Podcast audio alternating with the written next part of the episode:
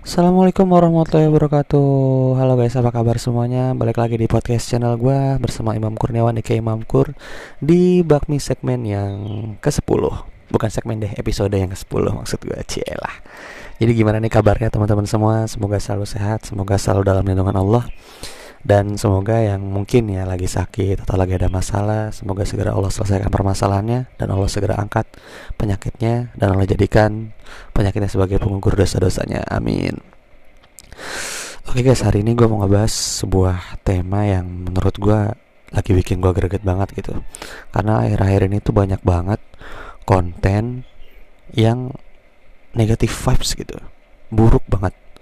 Yang dilakuin sama banyak pihak yang menurut gue udah terkenal gitu.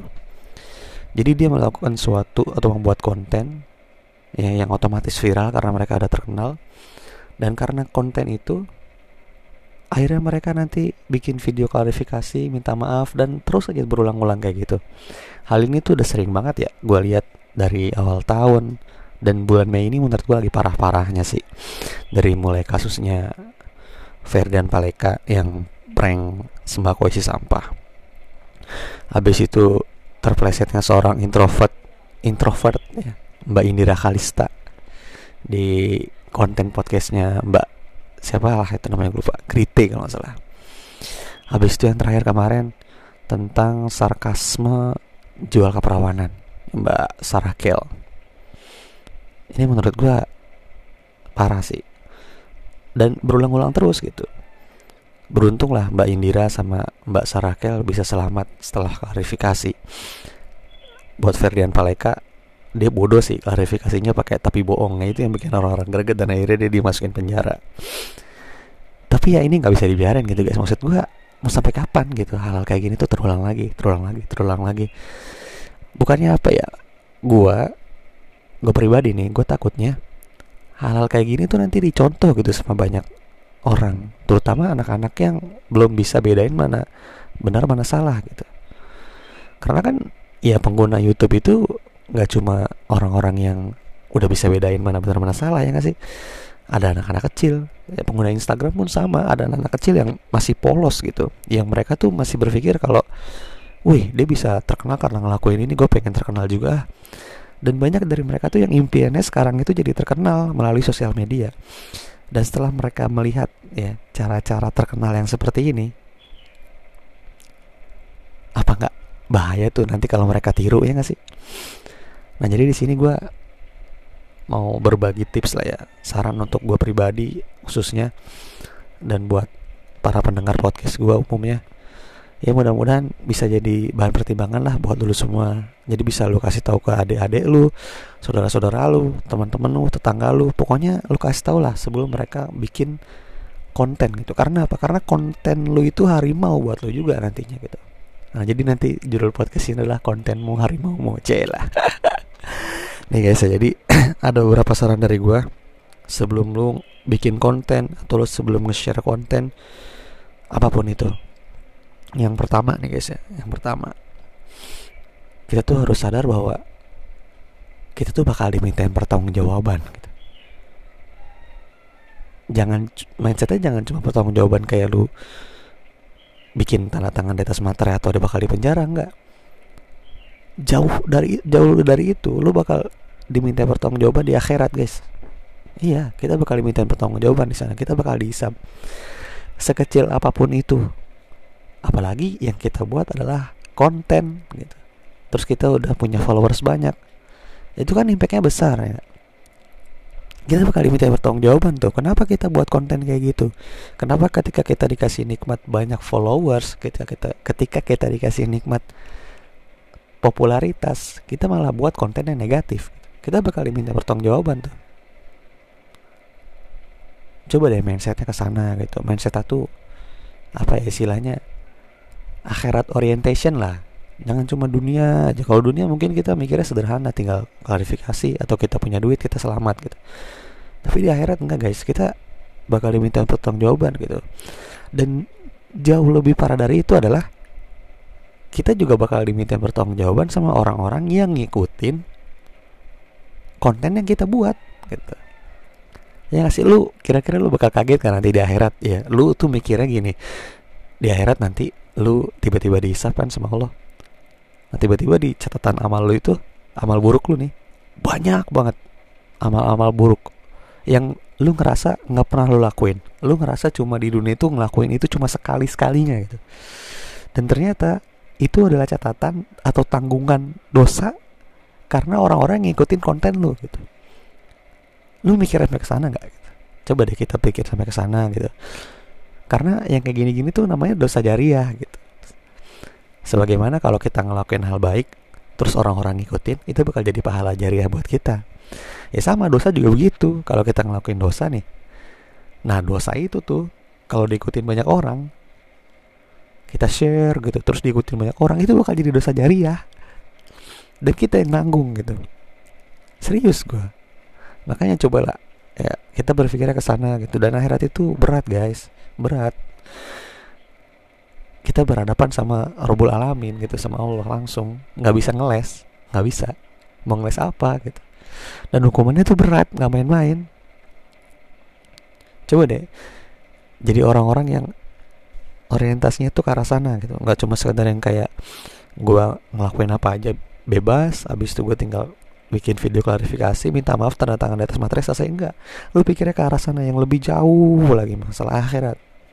Supaya supaya bisa ngerem hati kita gitu. itu yang pertama ya.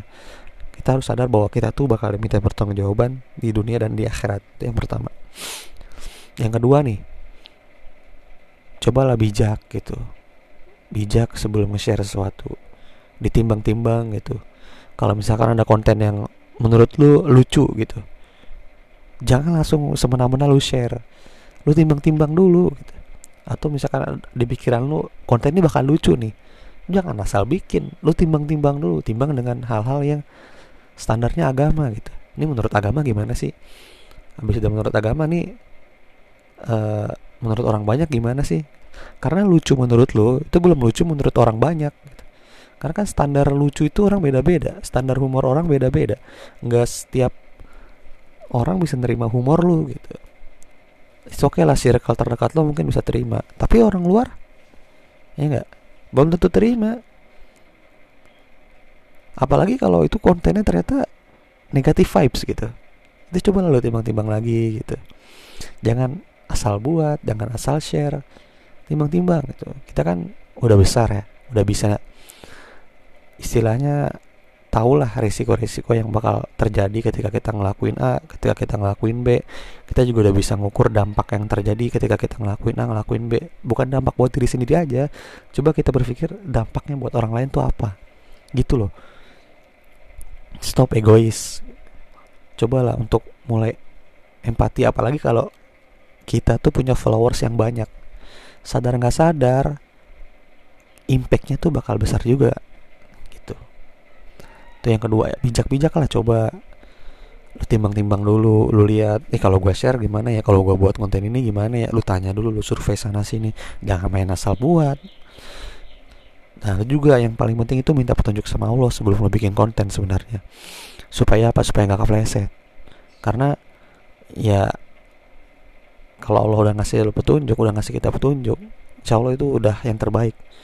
Nggak akan salah tapi kadang-kadang emang kita sombong kita suka bikin konten dengan mengandalkan akal dan pikiran kita sendiri yang akhirnya kita kepleset gitu.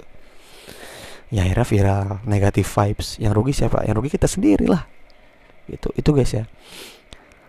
Itu yang kedua. Nah yang ketiga stop pengen terkenal. Ya, saran dari gue itu. Stop lu pengen bikin konten tujuannya buat terkenal. Stop. Coba lu rubah itu dengan mindset gue pengen bikin konten supaya bisa diambil manfaatnya sama orang.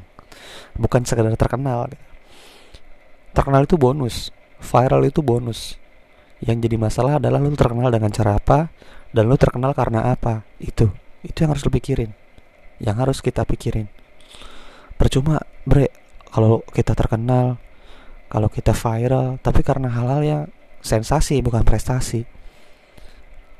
Karena nanti kita juga yang bakal rugi